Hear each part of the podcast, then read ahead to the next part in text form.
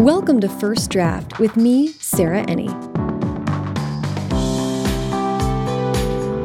This week I'm talking to Sabaa Tahir, number one New York Times bestselling author of the Ember in the Ashes series. She's here to talk about her new contemporary YA, All My Rage. I've talked to Sabaa a couple times on the show, and it's always so special to check in with her. Today, we talked about how she found a book project to vent her anger and how books can be therapeutic, but they're not therapy, and on making room in your life and career to write what brings you joy. If you enjoy First Draft, there's lots of ways you can help support the show.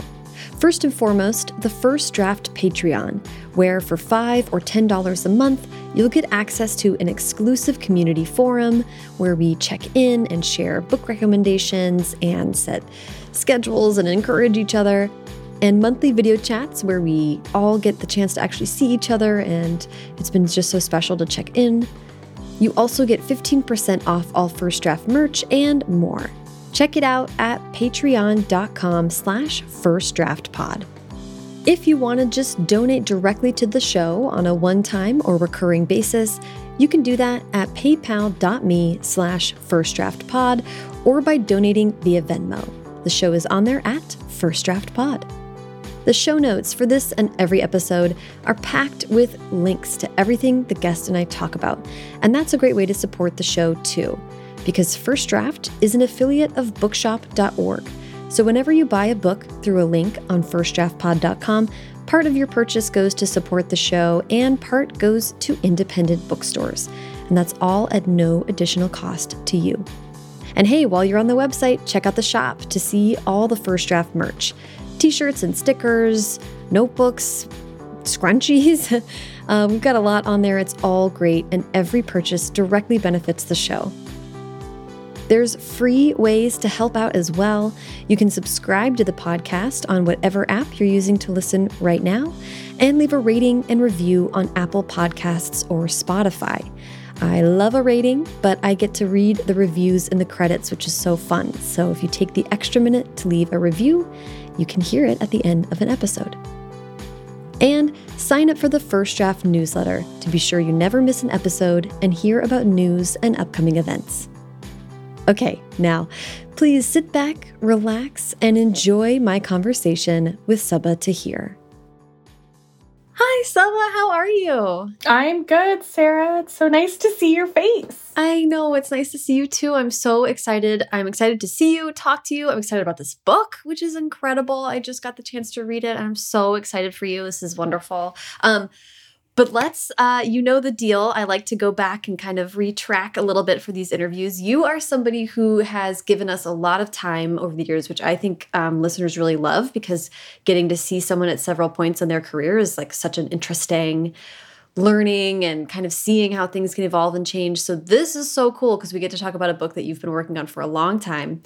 But I want to start by picking up where we last left you, which was ending the Ember series, which is this huge, life changing, really successful series that you wrote four long books in, but then had to actually wrap up and walk away from. So, can you talk about what that's been like?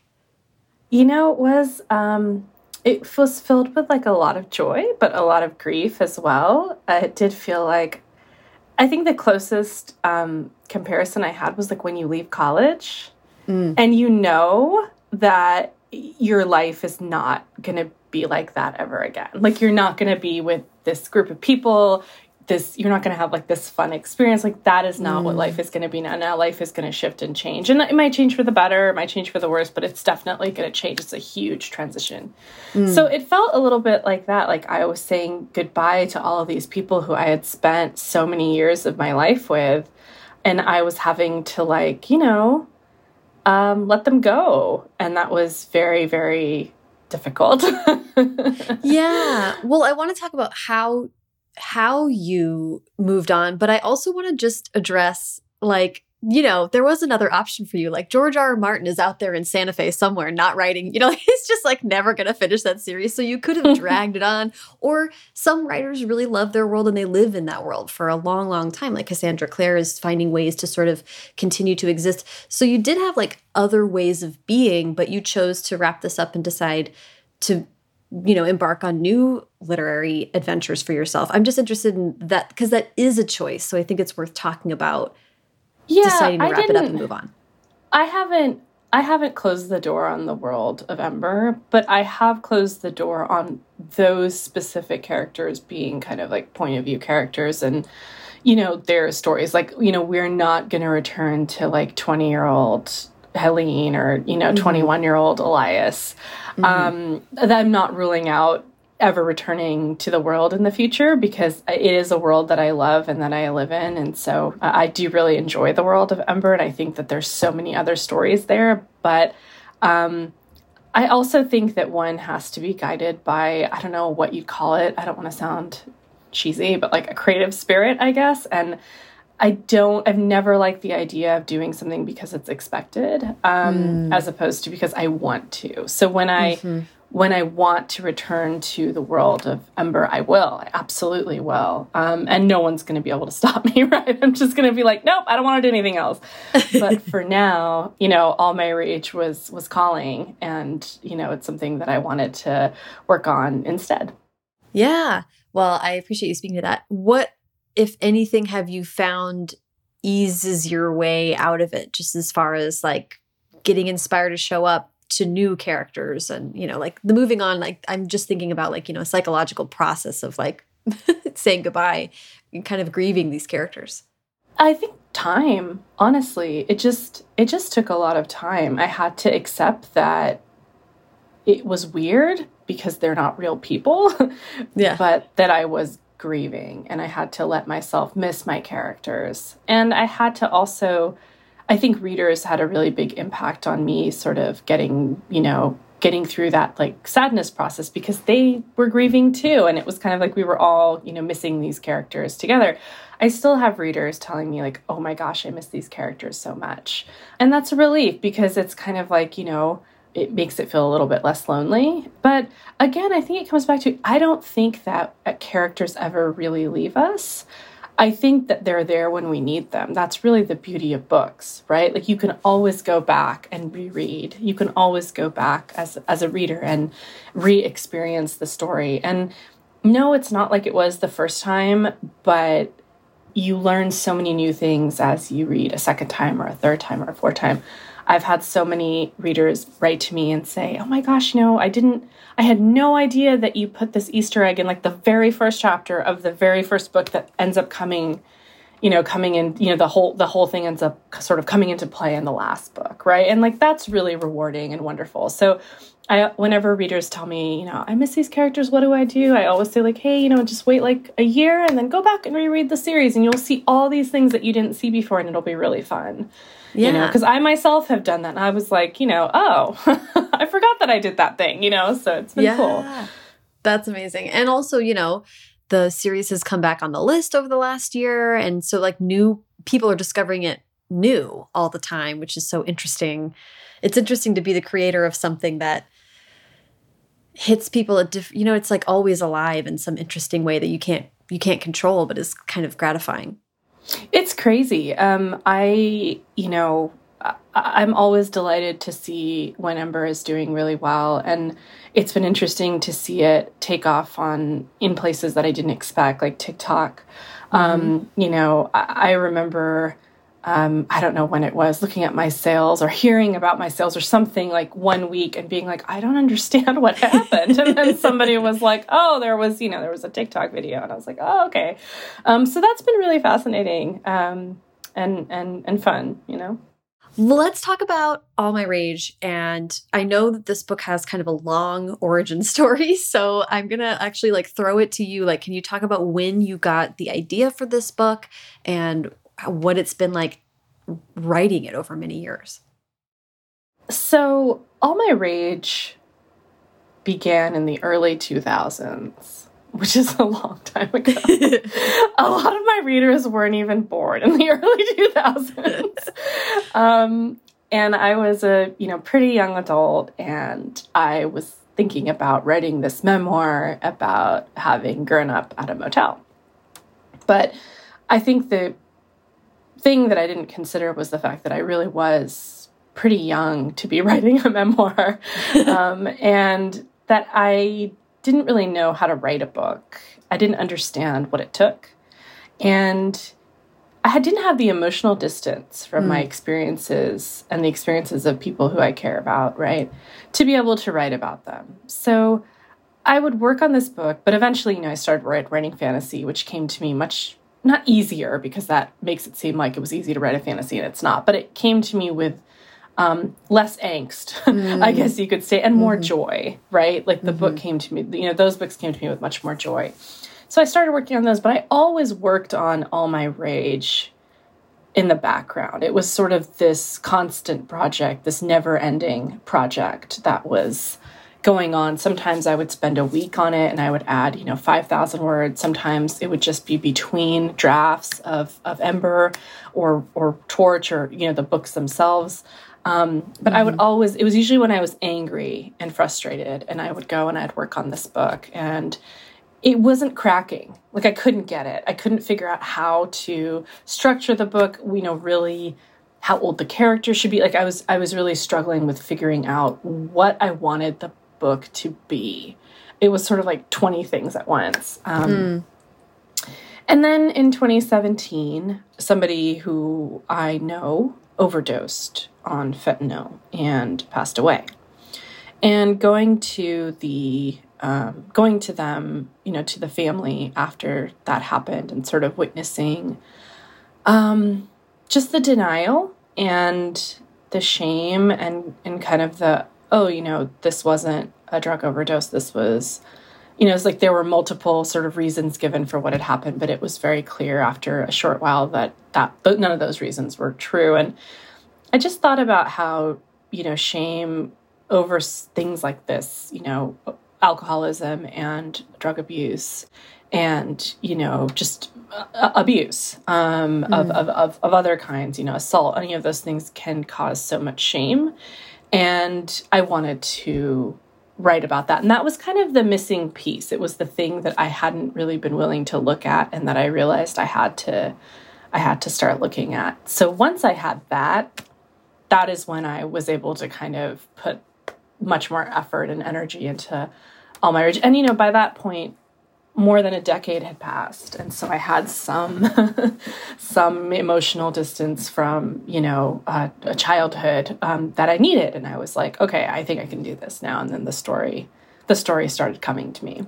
Yeah, that's i mean I'm, I'm sorry to hear that about your friend and but it does seem like i mean obviously now having read the book that's such an integral part that's so central to what you're talking about in in the book and through these characters and their experience i'm endlessly fascinated by memoir or by people really really mining their own lives and their own experiences through fiction because even though i myself also do it like it's so mysterious how we choose to to interpret those things or reflect them back through through fiction. And it's interesting to me that, that this experience you had, which is personal to you, but also is sort of observing another family, right? Observing sort of mm -hmm. other interdynamics and and kind of wanting to get into that, that that was like the key to maybe giving you a little bit more distance to reflect your own yeah childhood yeah, experiences. It's, yeah, it's strange how that works. It's sort of like how um you know, sometimes you need to see somebody else like modeling either good or bad behavior before you even understand it, right? Like I've noticed, I have I have two kids, um, and I've noticed with my kids that if I am calm, they are calm, right? If if they're stressed out because you know whatever we're late for school or something, and I'm like also freaking out, which 100% has happened, right?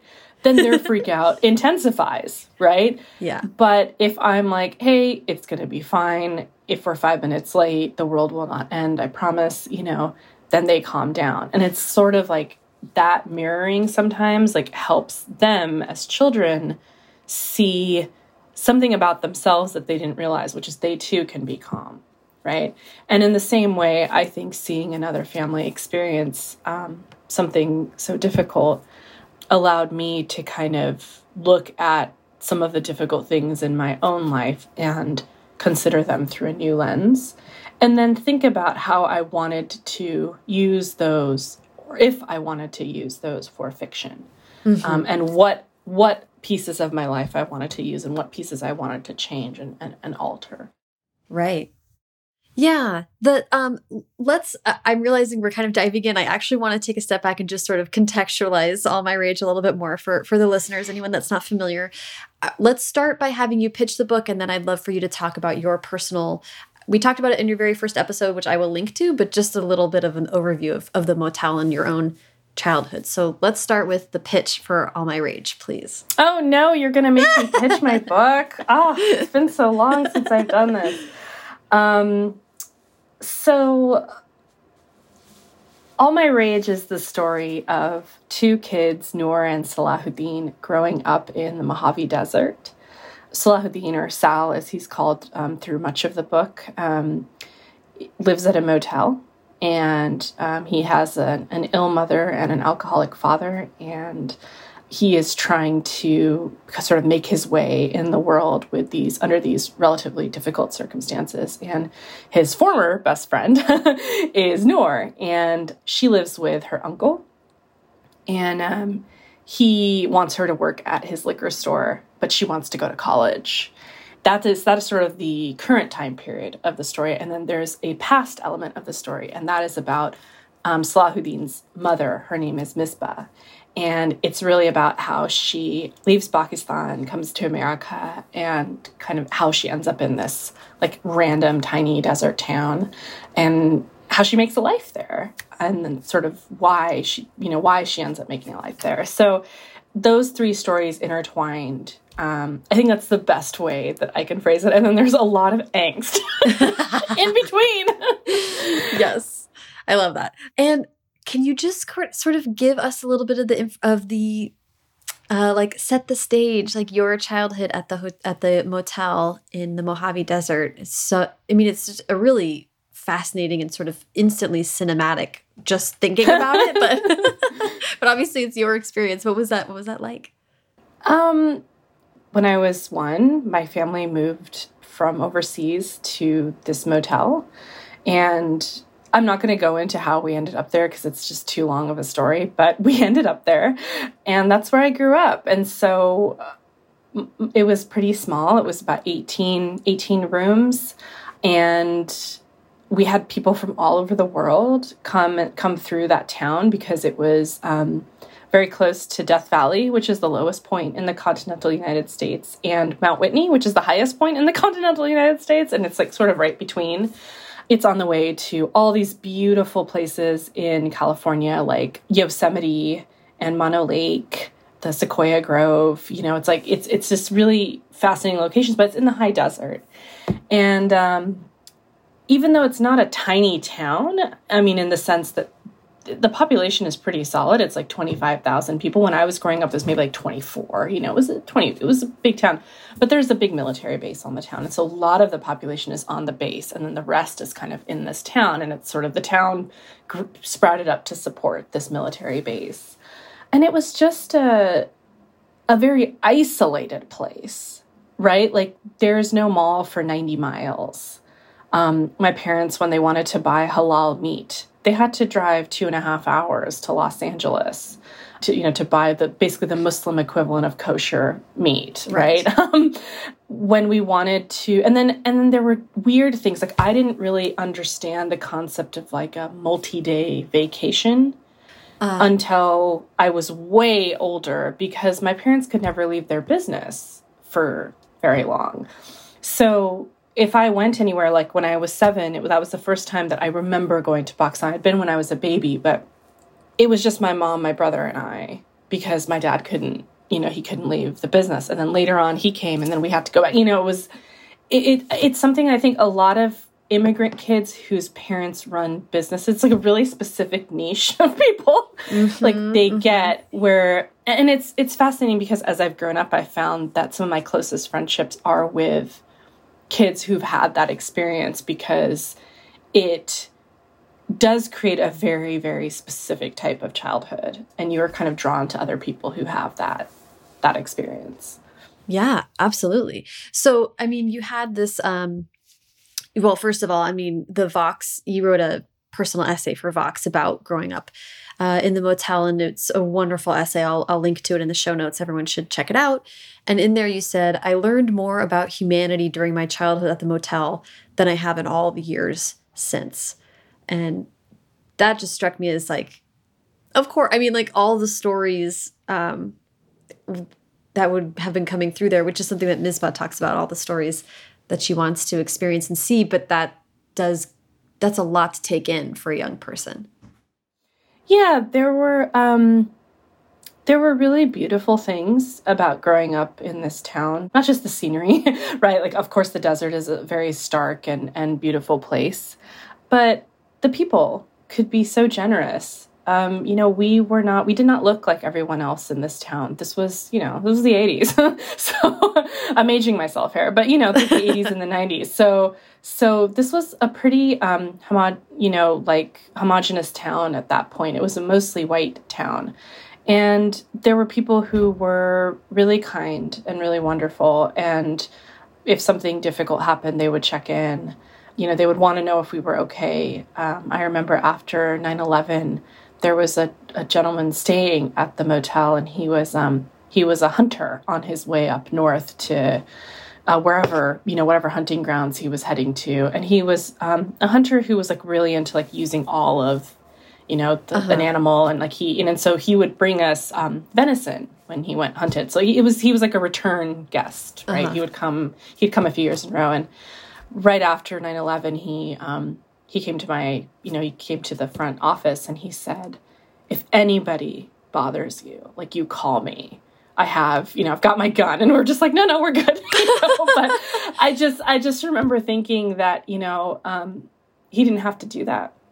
You know he could have been i mean there were so many other people who were angry and who you know we had you know friends in the town who were also pakistani who had like a brick put through their window and you know that kind of stuff but you know, there were people who, I mean, my math teacher checked on my parents after not seeing them for God knows, you know, like seven or eight years or something. You know, she she was like, "Hey, you know, I know it's kind of strange, but I just want to make sure you're okay." You know, so and um, I have an English teacher who still lives in the town, and like I ended up emailing him to ask him a question. I was, you know, that I needed for for all my rage. Mm -hmm. um, and I was like, okay, this is super weird, but there was this play that we read in 12th grade English and I know this is random but do you remember you know and he like knew the translation and where you know and and he got in touch with me right away and he's read he's read my books and um you know that that was also part of the town. So when I talk about kind of you know learning about humanity I learned absolutely I learned how awful people could be but I also learned how wonderful people could be. Yeah what was it like to switch? I mean, it's so interesting that you're describing having the Ember series. Of course, you're you're like that's a steam train moving right ahead. You have that going on, and then you have this sort of like vent release valve for anger. That's so interesting that it became this sort of consistent place for you to turn when you were having I don't know maybe feeling overwhelmed or I'm not sure how you would describe it. Yeah, just angry. Just feeling angry. I think a lot of us in the United States specifically started feeling angry around 2016. And I think, and, and I'm not just going to blame it on politics, I think that was part of it, but I also think that something shifted in the media at that point, and it really started feeling like um, conversations were more difficult to have. And, um, nuance was really difficult to find and to just to experience. Like you it just it just something changed right? Yeah. And it wasn't always for the worse. You know I, I definitely don't think that. I think that there were conversations that needed to be had where people you know needed to just listen. There were many of those conversations but then there were also times where those conversations needed to be had but no one wanted to listen right? mm and that was difficult to watch and witness. And so I think that there was just I just sort of felt a general sense of anger. but I also think that I carried a lot of anger with me from childhood. um, yeah. that I had never really dealt with or released. And this was the way that I, I ended up dealing with it. And actually, all my rage, I didn't write after I finished um, the Ember series. I wrote in between, mm. which was deeply irritating, I'm certain, for both readers and my my editor and especially my agent because I still remember I had sort of gotten to this point where I was like I can't stop thinking about this story. I'm really supposed to be writing book 4 in mm. the Ember series, but you know, I've been working on this thing for so many years and now it's like finally starting to pick up its own type of steam. Mm. And I would really like to finish it and to know that I'm I'm doing something and so um I, I wrote, you know, 30, 40 pages of it and fixed it up and sent it to my agent. And I was like, don't kill me, but I have this idea and I can't stop thinking about it. And, you know, I have so much of this written already, but I just wanted to send you the beginning and you can just tell me if you think it's worth it. And she read it. I will never forget. We were meeting up back when you could meet up with people. Right. And she said, You know, I was really, really worried. I was really annoyed at you because you sent me this thing. And I was like, Oh, I'm going to see her. And if it sucks, I'm not going to be able to hide it. I'm just going to have to tell her it's terrible. And she's like, But it was fantastic. And I just, I want you to go write this. I will deal with, you know, whatever comes. And so, bless her, you know, she was the very first person professionally who was like, You must write this book and then cleared the way so that I could.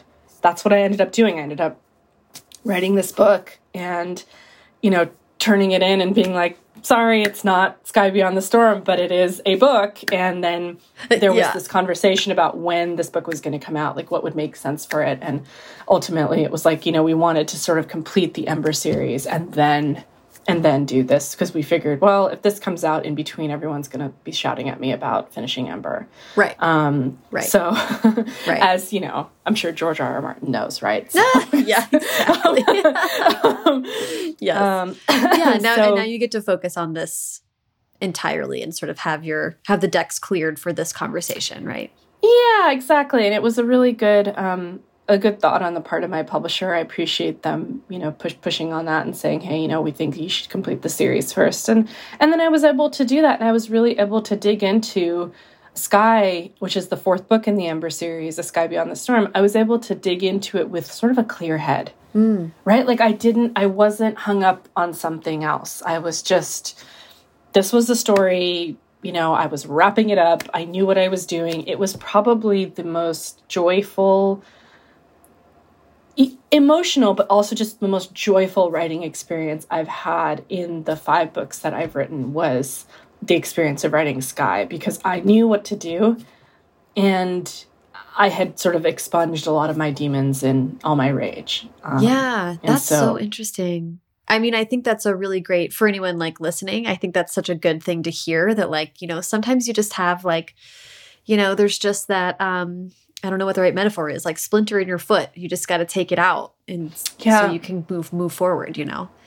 And I'm, this is where I'm lucky with my both my publisher and my agent, right? Like they were very supportive. But I think a lot of writers can feel like they must do a certain thing. They must finish a series. They must, and I don't think it has to be that way. I think that you can sometimes let your creativity lead you. Not always. Sometimes we have contracts. We've got you know, we have to complete them and that sort of thing. But if you're talking about a detour of a few months, it might not be convenient and it might really stress you out later.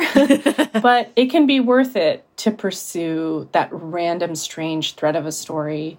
You know, I know many, many authors who have worked on so many different types of projects, right? And some of their stories start off as like, you know, they think of a line it doesn't fit into the thing they're working on right at that moment. So they stick it in a document and maybe they write two or three pages and then they leave it alone. And then when they're finished with what they're working on, they come back to that. And sometimes they come back to that story like 10 years later, right? I, I think that writing is a long game, yeah. but it's not really presented as such. It's sort of presented as like, you know, you must put your book out in the world and you must have all the things. You must, you know, hit every list and get every book of the month. You know, like all these different like sort of um, goalposts. Uh-huh. And if you don't get those things, then well, you're you don't get to be a writer anymore. And right. I mean, writing is something we choose to do, right? If you we we've talked we've talked about this before. Like writers write, Yeah. Um, and it's not it's not always easy. Like I don't I don't want to pretend that like that's a simple thing. There are many people who they just can't do it. They don't have that privilege where they can just like sit down and write, right? Mm -hmm. But eventually, I think the stories will, will, win out and they will sort of force their way out of your brain. um, mm -hmm. So I feel like if a story you know goes in a different direction than you expected, or if you end up writing a story you didn't expect, that's okay yeah. You know, it doesn't it doesn't always have to be that we we must finish the series and then move immediately on to the next series and then move on to the next. You know, it's like right. you can do something different in between. I know that All My Rage is going to sort of be something that is difficult to explain. Like I knew that, right? I knew that going into it. I was like, how do I you know, what is the narrative here? right? Right. For going from a a fantasy series to this contemporary and then likely back into fantasy, right? Like, and ultimately, I was like, the narrative was that this was the this is the truth. This that this was the story that came to me at the time, and I had to write it. Right. Um, and I was right. fortunate enough to be able to be a full time writer and to be able to say, okay, I'm stopping and I'm working on this now. Yeah, that's a gift. you know so. well you know and and what comes to mind to me too is like at some point i was uh, this is going to connect to your point i promise but at some point i was talking to a friend of mine about how i decorate my house which is you're not seeing the best of it but in my house i was like i was like i just buy whatever looks good to me and i have to believe that when you walk into my house it makes some kind of sense because the continuity is i like it I like everything in here. And you mm -hmm. have mm-hmm. and whether that's style or what, I don't know, but that's just what it's going to be. And that's what's what it's making me think of with you know, if you were writing the playbook for a career post Ember, this might not have been like the thing. If you were able to just move things around like a deity, you wouldn't necessarily put these things in a row. But you, Sabaa, needed to tell the story. You're an artist, and that's right. And the and the thread is you know, I see so many similarities between All My Rage and the Ember series. You know, you're dealing with a lot of similar themes and contexts. It's just so interesting that, and this is what, what I'd love to talk about next, is it's so interesting to see you just sort of use contemporary to talk about it because that brings with it all these other challenges and it's sort of a little bit more um contempt can be really confrontational in some ways mm, interesting um yeah, I think that fantasy allows us to sort of put a veil between us and what we're looking at so that it feels a little more far away. Right. I have had readers write to me when I have said things like, you know, you know, when I say I say I've said something online that is political, mm. right? Mm. I've had readers write to me saying, I love your books, but I wish that you weren't political. And it's always really odd to me because I'm like, have you did you, you really read books the books? Did you like, read? Yeah. You like which books did you read? Because because the books are inherently political books, right? Like they're very anti-war. Right. like right. they're they're really they're they're anti-war books, and it's fascinating to me that you know people will people will take that away, and I think that is because of that kind of veil. Mm. And you also have people who take the the the the point of the book, right? right. They get it, and maybe they they wouldn't have, but then they read it and they're like, okay, you know, I see what you're saying, right? right? But there's a lot of people who I think really put this big step between them and and fantasy. Um, it's not real, right? Mm-hmm. And you mm-hmm. can't do that with contemporary, right? Because they have cell phones and they live in the United States, right. and right. you know they are dealing with problems that are too close to home, right? So it is a little bit more difficult to sort of step away and say, oh, this is an escape, mm-hmm. right? Mm-hmm. I would say this book is probably more of like, um, you know, a door that you're stepping through into mm-hmm. just a different experience, a different lived experience, right. as opposed to a different world. It is a different world in a sense, but it's so familiar to, to our own that, you know, it doesn't, you don't really get to have that distance. Right. I mean, and that's you. You just put it much more eloquently than I did. But it's it is the fact that in contempt, you know, you say you use words like racism, alcoholism. You know, it's like the things are the things. There is no mm-hmm. uh, veil around the things. Was that refreshing for you? Were you did you feel like you were letting something out, or how? What was it like to write contemporary?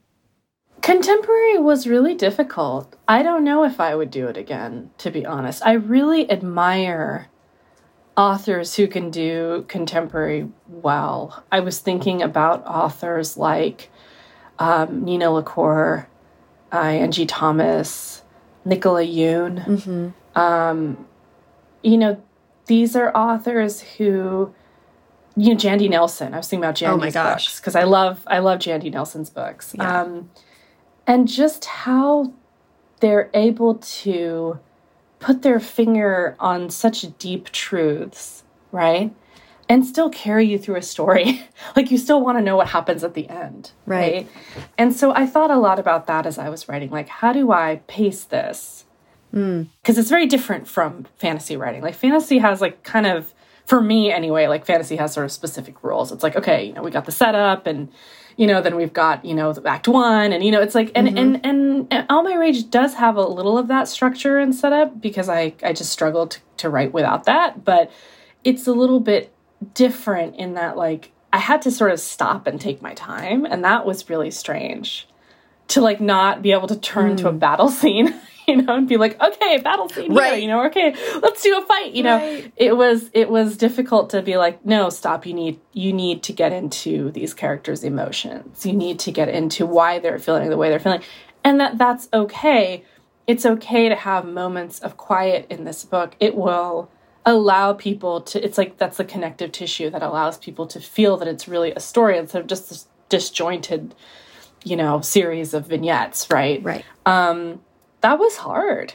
Yeah. I I really I you know, I know that there's there are some fantasists who are like, you know, oh, contemporary is easy and I'm like you're deranged. Like it's, it's not easy at all. It's very difficult.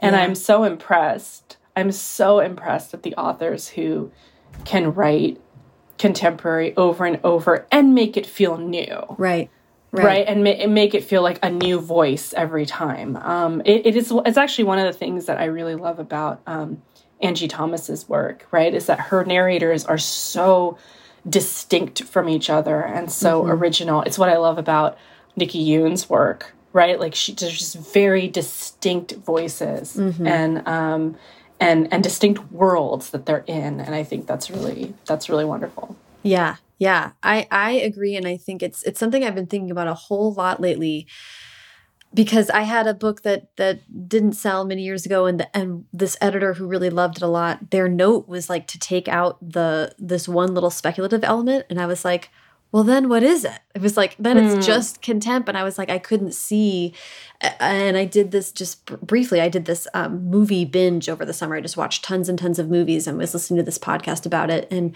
it was so helpful to hear other people reflect back that like the moment in movies that you that you're riveted by are often just are, are these two people going to kiss and they're just standing mm -hmm. across a room and you're like oh we're just people you know we just like watching I other mean, people Exactly. It's like I think about all the shows that are sort of a will they, won't they show that the, it goes on for seasons and seasons, and you're, like, and you're just waiting for it, right? Yeah. Um, I actually think that's one of the things I love the most about romance books, right? I'm thinking about not just you know adult romance books, but you know young adult romance books. Um, Maurene Goo, yeah, right. She's she's a mutual friend, and one of the things I like about Maurene's books is like that sort of tension the romantic tension that she puts into a book um, that allows you to just you know really drift away and yeah. and and it is an escape even while you're still grounded and wondering yeah. what's gonna you know what's gonna happen um, i think that's yeah. a, that takes so much talent you know so well and i i mean i definitely think that you achieved that in this book this was i was i was definitely like swept in and and like oh, read half of it. You. Yeah, I read half of it one day and was like looked up like where am I? Um, which you've you've all of your books have done have done that for me, so I loved it. Um, oh, thank you. It's also a standalone, which yes. how did like a true standalone, a true like this is it. Period. End of sentence. What was that like to finish it and be like, we are done? It was great. I was like, I don't have to return to this world. I don't have to leave any Easter eggs. I don't have to come back and fix anything. It was wonderful. So it's it's really delightful to be able to to just know that the book is done. Like what a what a relief. yeah. Um the story is complete. It really is it's a great feeling. It's like turning in your final paper for your final exam like you know whatever your senior year of high school. Yeah. you know, and you're just like i'm done. You know yeah. like it was it was definitely a relief. And when we finally got all the way through edits and like you know we had turned in the final version of the book i was like wow this is crazy. Like i didn't have that feeling i had throughout ember which is like okay on to the next. Like right it's kind of nice you know right well and and what it's making me think of too is you know this is of course so much about your own experience and and in the Vox article, you talk about actually having gone back physically to the hotel to see it for the, the motel to see it for the first time in a long time. And so I wonder if you feel like this writing this book and then getting the opportunity to finish it and put it in the world is also like a catharsis personally for that time of, of your life. No, I do not. I don't, I don't, I don't think that, I think there are certain things that the door never closes. And I think we just carry carry that thing or those things with us. And they're kind of like like little little brain pets. Such a weird image. You know, that you're just like they're trailing you and you're like, "What's up, bro?" And you know, they're just they're with you in life. Um mm-hmm. and sometimes they're the things that keep you awake at night, but sometimes they're the things that help you survive. Um, mm. and help you help other people, you know, and help mm. you have more empathy.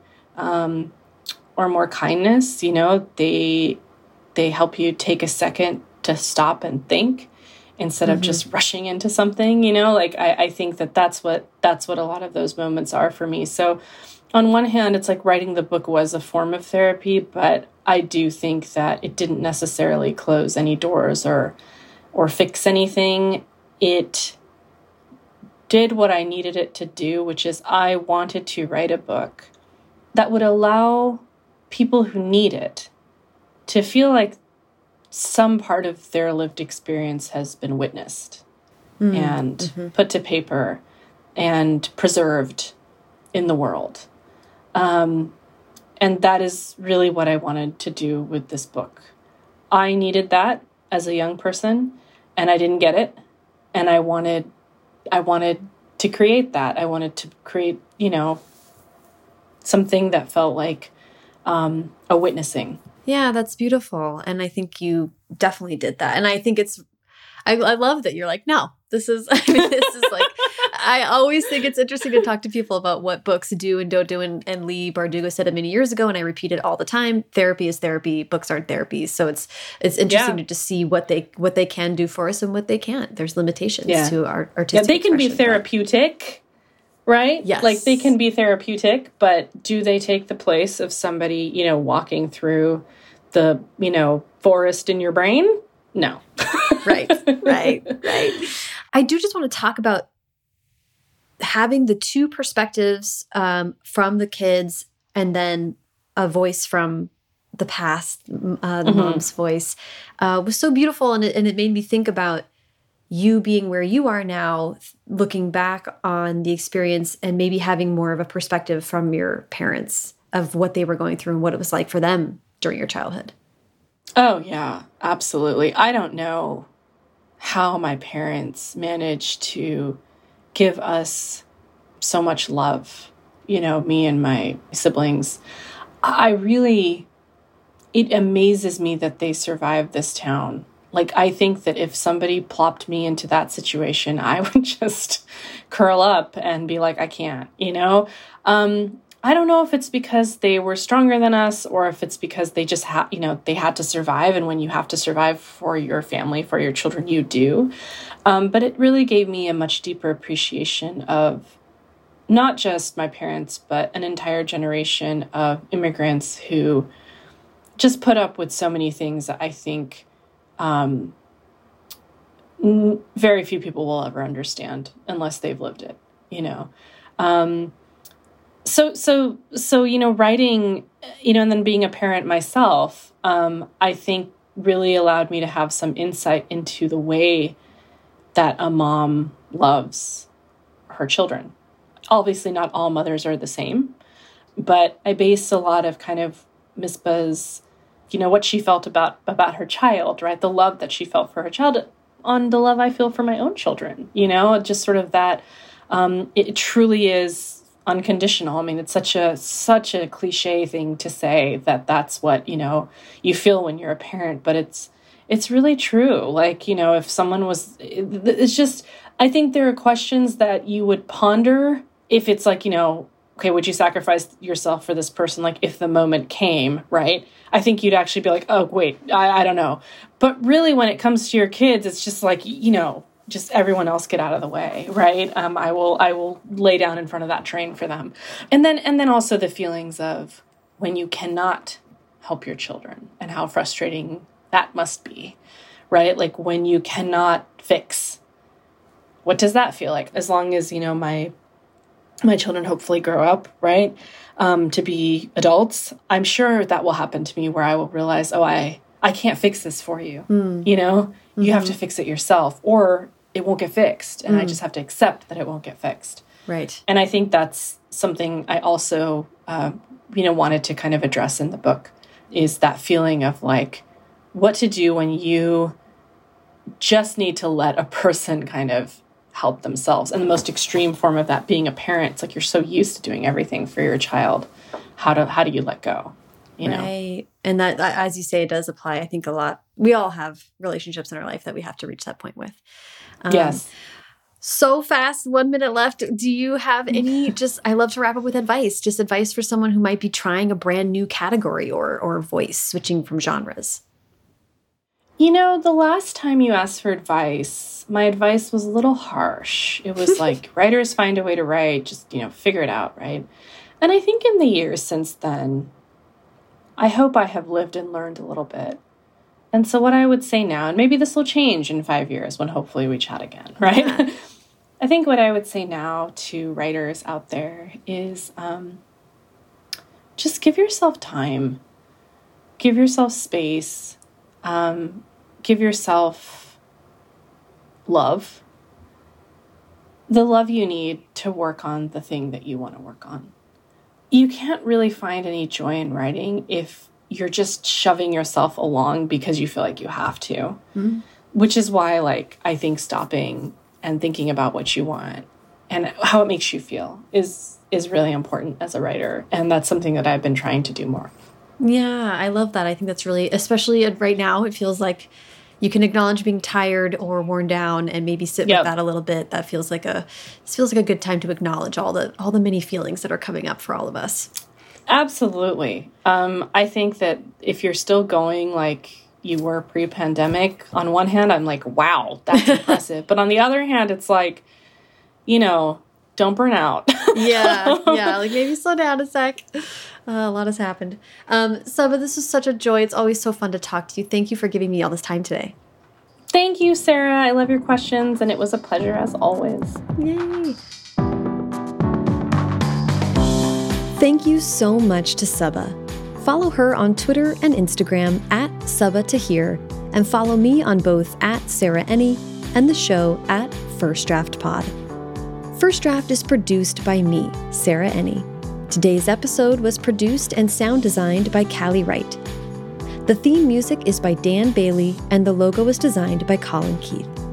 Thanks to social media director Jennifer Nkosi and transcriptionist at large Julie Anderson. And as ever, thanks to you, little brain pets, for listening.